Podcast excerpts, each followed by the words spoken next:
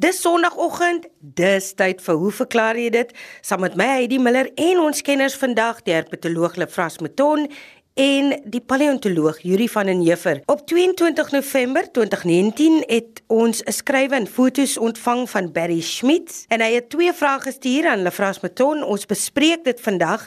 Sy eerste vraag is oor brilpaddas. Ek lees vir jou wat hy geskryf het. Ek is tans op Lona, naby Vryburg in die oostelike gedeelte van die Kalahari.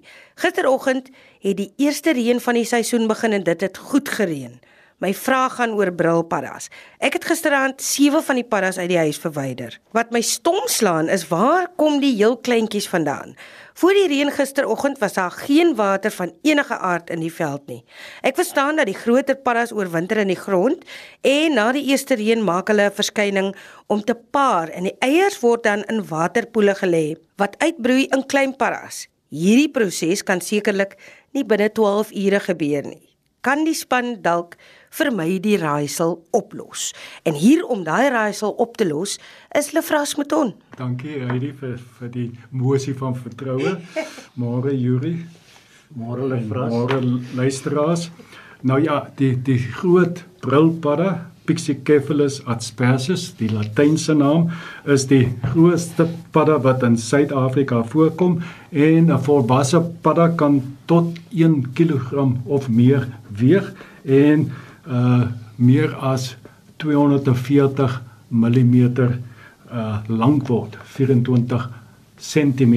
Die mannetjies is veral bekend vir ouer sorg. Ek dink mense wat TV kyk sal seker al gesien het hoe die mannetjie paddas uh, die paddavissies by hulle wag hou en hulle teen vyande en so mee beskerm.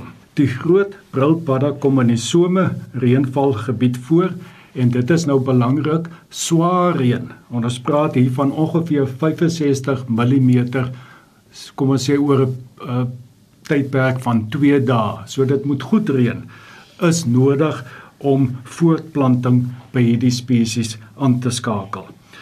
Voortplanting begin dis nie noodwendig saam met die eerste somerreëns nie. Swaar reën is nodig want hierdie paddas broei in tydelike panne en poele. Natuurlik moet hierdie water lank genoeg behoue bly voor dit opdroog vir die hele voortplantings of ontwikkelingsproses van eier tot klein paddaatjie uh, om dit te voltooi.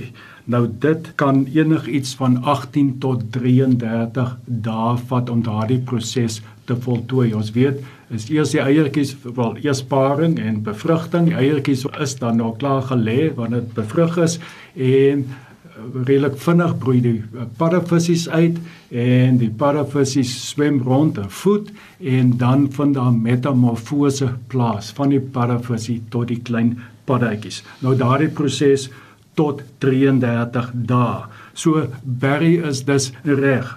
12 ure is hopeloos te kort. Dit is onmoontlik dat die klein paddatjies wat hy daar gesien het 'n produk van voortplanting van hierdie eerste uh, somerreën kan wees. Lefras, ek wil net graag ook weet, is nogal vir my baie interessant, maar nou hoekom kan hulle nie in die plaasdamme ook voortplant nie? Hoekom moet dit tydelike waterbronne wees? Ek dink daar's baie voordele vir die paddas in uh om in hierdie vlakwater te te broei. Eerstens die temperatuur is is baie hoër as wat jy in 'n plaasdam sou wees. So ontwikkeling van die uh die embrionale ontwikkeling gaan baie vinniger kan plaasvind en dan ook baie belangrik in hierdie tydelike poele of panne is daar nie die predatore wat jy in 'n permanente waterbron gaan kry visse en goed wat die eiers vreet nie. En dan ook baie belangrik is dat die die manier van bevrugting van die eiers. Onthou hierdie is groot paddas. So die wyfies bevrugting moet buite die water plaasvind. So die wyfie sit in vlak water en die die agterkant van die liggaam word in die lug opgehou en terwyl die eiers gelê word, is die mannetjie deponeer sy sperma als vind plaas voor die eiertjies in die water beland.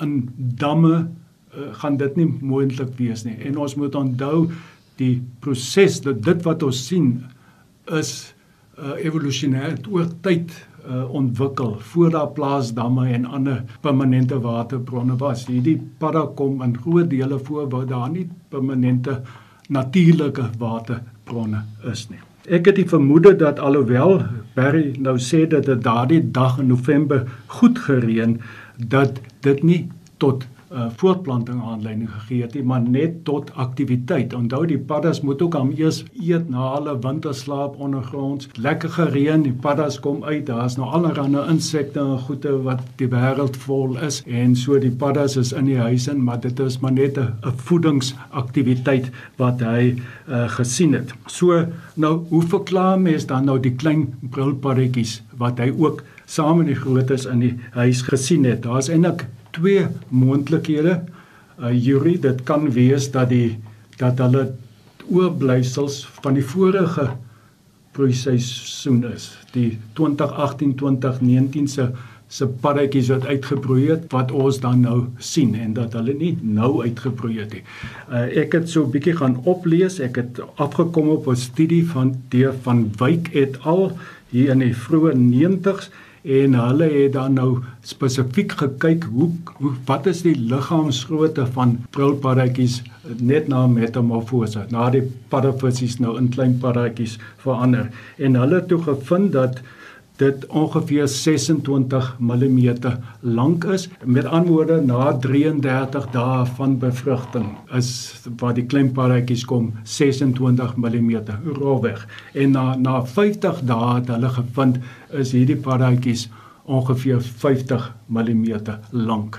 So, as ons nou baie konservatief dink, daar lê nou die wintertyd per voor, maar teen die volgende somer of reënvalseisoen is 50 mm ongeveer die minimum wat die paddatjies behoort te wees in liggaamsgrootte. Waarskynlik kan hulle groter wees, maar nie baie klein nie. Ek het nou daardie paddatjies gaan meet uh, op die foto wat wat uh Barry gestuur het. Hy het so 'n paddatjie wat in die hand sit en so die meeste dan met die die dikte van die vinger, jy kan nou uitwerk uh die skaal bietjie aanpas en daardie paddatjie is ongeveer 21 mm groot. So dit is hopeloos te klein om verlede jaar se uh broeisels te wees. Nou is daar nou nog 'n ander moontlikheid. Ek het na die paddatjie op die hand gekyk en daar's iets wat my bietjie pla oor die voorkoms. Dit lyk vir my al te veel of dit glad nie 'n klein brilpaddatjie is nie.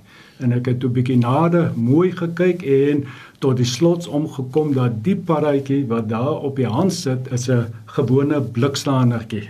Die volwassenes van hulle word maar so 22 23 mm lank so dit pas in. En ek dink wat hierso gebeur het is dat ja, die die eerste reënval het nie net aanleiding gegee tot aktiwiteit by die brilpaddasie, maar ook ander padda spesies. En nou ja, ek dink is net menslik as jy 'n klomp groot brilpaddas in jou huis kry. Mens kan hulle nie miskyk nie. En hier is nou 'n paar ander klein paddatjies ook. Laat mense sal dink dit is maar kleintjies van dieselfde spesies. So dit is dan die antwoord vir wat hy waargeneem het daar is dat ons met twee verskillende spesies te doen het wat hy daar gesien het. Ek hoop Barry aanvaar my my verduideliking. Ek dink nie daar is iemand anders wat nou die fotos gesien het wat nou by jou kan weerspreek my verduideliking nie.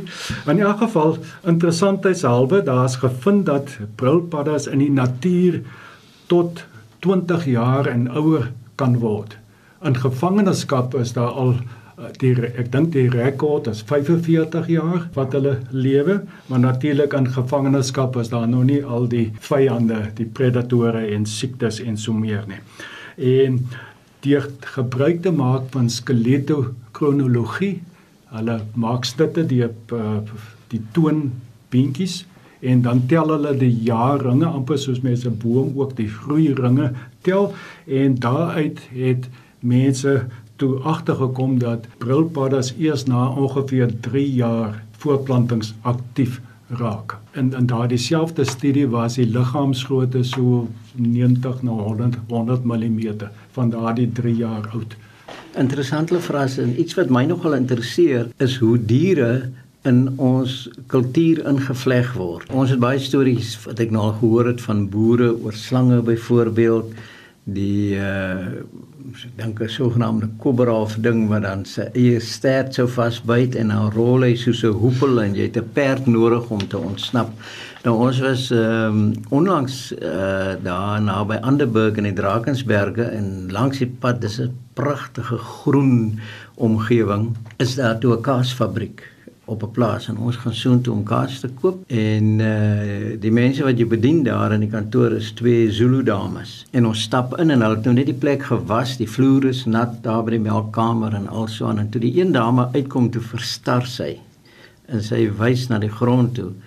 En ek kyk toe af en daar sit 'n skurwepadda. En ek kan nie verstaan hoekom sy so vreesbevange is nie. En ek tel die padda op en ek hou my hand en sy gil en sy gaan terug in die kantoor en en die ander dame want dit sê daar's 'n groot glasvenster. Die ander dame draai haar rug op ons en sy kyk in die ander rigting.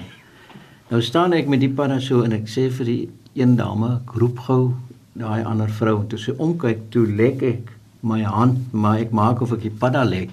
En sy het amper by die kantoor uitgestorm.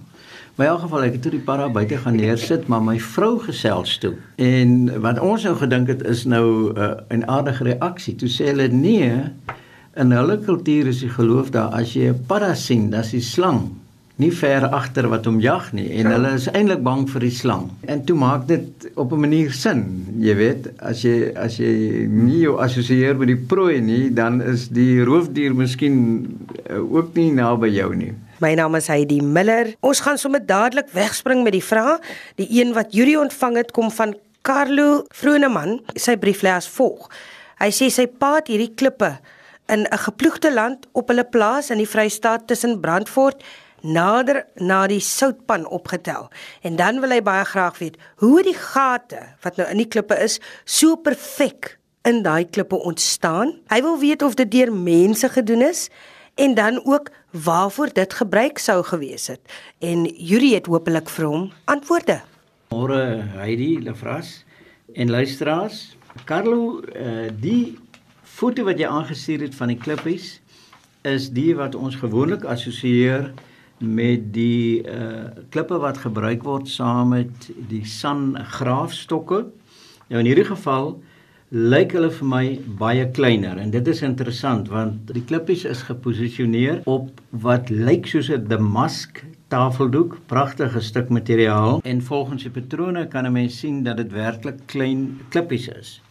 Nou klippe met gate in is nie uniek aan Suid-Afrika nie. Dit word dwars deur die wêreld gekry en daar is al heelwat ontdek aan die kus van Mexiko, daar's uh van hulle ontdek in Guatemala en ook op van die eilande in die Stille Oseaan. So dit is 'n menslike aktiwiteit wat die wêreld oor in bedryf gewees het. In Suid-Afrika het ons natuurlik baie hiervan en mense kom dikwels by mense aan huis en dan is daar een van hierdie klippe wat as 'n deurstop gebruik word. Ek self het een bekom uit 'n 'n gestorwe boedel uit die Kanaven omgewing en hy lê al baie jare by ons uh, kombuis deur. Een luisteraar het uh, jare gelede op hierdie program al 'n uh, uh, melding gemaak van hierdie klippe wat hy gesien het en hy was op die internet besig geweest. Toe beweer hy dat hy ehm um, na argeologiese fondse gekyk het of afgekom het wat in die Engelse kanaal deur argeoloë opgediep is en dat daar sulke klippe ook daar uitgekom het. Nou Ons weet almal dat omtrent 10000 jaar gelede in die vorige ystyd, die laaste ystyd, was daar baie water opgesluit by die pole en Engeland was basies 'n uh, skiereiland van Europa. So daar was droë grond waar nou die Engelse kanaal is, daar het mense gebly, baie van hulle wapens en uh, bewyse van hulle bestaan is gekry en hy sê toe dat hy op hierdie webruimte het hy toe van die klippe gesien. Ek het gaan soek en ek kon niks gekry het nie en hom gekontak en hy toe later gesê maar hy kon nooit weer by die webruimte uitkom en hy kon ook nie weer uh, iets van die klippe agterkom nie. Wat 'n mens wil hê om finaal te besluit waarvoor die klippe gebruik is, is illustrasies of ten beste dan uh fotografiese bewyse. En ons is baie gelukkig in Suid-Afrika dat 'n uh, man met die naam van uh, John Herschel hier in die Kaap aangekom het in 1834. Hy was 'n sterrekundige en 'n kort tyd voor sy aankoms, te wete 1827, is fotografie ontdek. Die fotografiese proses is ontdek en Herschel het baie daarin belang gestel. En hy het dadelik toe hy in die Kaap gekom het, begin met uh eksperimente in fotografie, fotos geneem, soveel so dat hy teen 1839 het hy die term fotografie geskep. Nie hulle vras nie in Afrikaans nie. hy hy is verantwoordelik vir die skep van die term fotografie en hy was 'n baie toegewyde uh, fotograaf en hy het ook aan die Kaap fotografie bevorder want uh, dit is gebruik om die natuur vas te lê om die verskillende mense wat jy hier gekry het van fotos te neem. Ons weet later natuurlik in die apartheid jare is fotografie ook op 'n uh, sliewe manier daarvoor gebruik. En uh, iemand wat meer daarvan wil weet, kan gerus soek na die boekie wat die uh sterrekundige en fisikus uh, professor Brian Warner wat by Universiteit Kaapstad gewees het. Hy het 'n pragtige boekie juis oor Herschel en fotografie en van die fotograwe aan die Kaap uh, geskryf dit woord nog beskikbaar te wees en hy het 'n wonderlike reeks lesings daaroor gegee. Nou ons weet dat van die Duitse argeoloë hier rondom 1894 pragtige illustrasies van die san-artefakte en die gebruik van hierdie klippe met die gate in as 'n gewig vir 'n graafstok uh, gepubliseer het. Maar vroeër in die 1800s as gevolg van die feit dat fotografie hier so uh, vroeg gevestig is, is daar 'n bestaande foto van 'n sandame wat besig is om met 'n stok met daai klip om uh bolle uit te grawe. Uh so daar is fotografiese bewys dat dat dit is ten minste een van die gebruike gewees uh van die sokke nou daar is natuurlik deur die jare ook kritisie gewees mense wat sê nee wat ek uh, ek glo nou nie hierdie storie nie want kyk hoe swaar is sommige van die klippe en wie sal nou so 'n klomp klippe saamdra?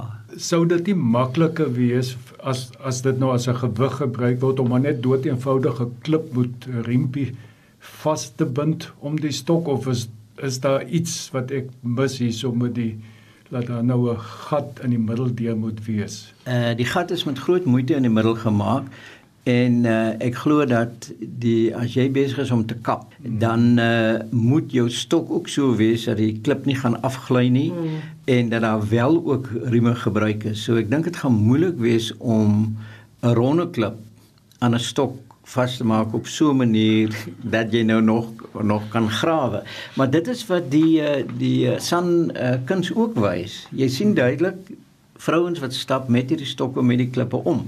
Nou ek dink die persoon wat gesê het wie wil nou sulke swaar groot ronddra, vergeet miskien dat om te grawe het mense eintlik net een stuk gereedskap nodig. So jy het een klip nodig om om jou stok En as jy hom nou maak sodat jy hom gemaklik kan dra in jou velsak of in jou hand, eh dan is dit nie 'n kwessie van jy dra 'n stapel klippe saam nie. Die feit dat ons so baie van hulle kry, uh beteken dat hulle baie in gebruik gewees het en ook dat hulle seker op sommige plekke agtergelaat is. Of jy los die klip daar wat jy weet jy na die reënsiklus of iets weer na toe gaan terugkom. By my huis, ek het ook so 'n klip as voor die deur en nou word hy met die voet heen en weer geskuif en dit is 'n sagte klip daardie. Jy weet hy los sy merke op die op die vloer soos mense hom skuif. Uh my vraag is as hulle nou sulke klippe gebruik, seker oor tyd raak die gat te groot of iets en dan los hulle die klippe laat hy nie meer so effektief is nie.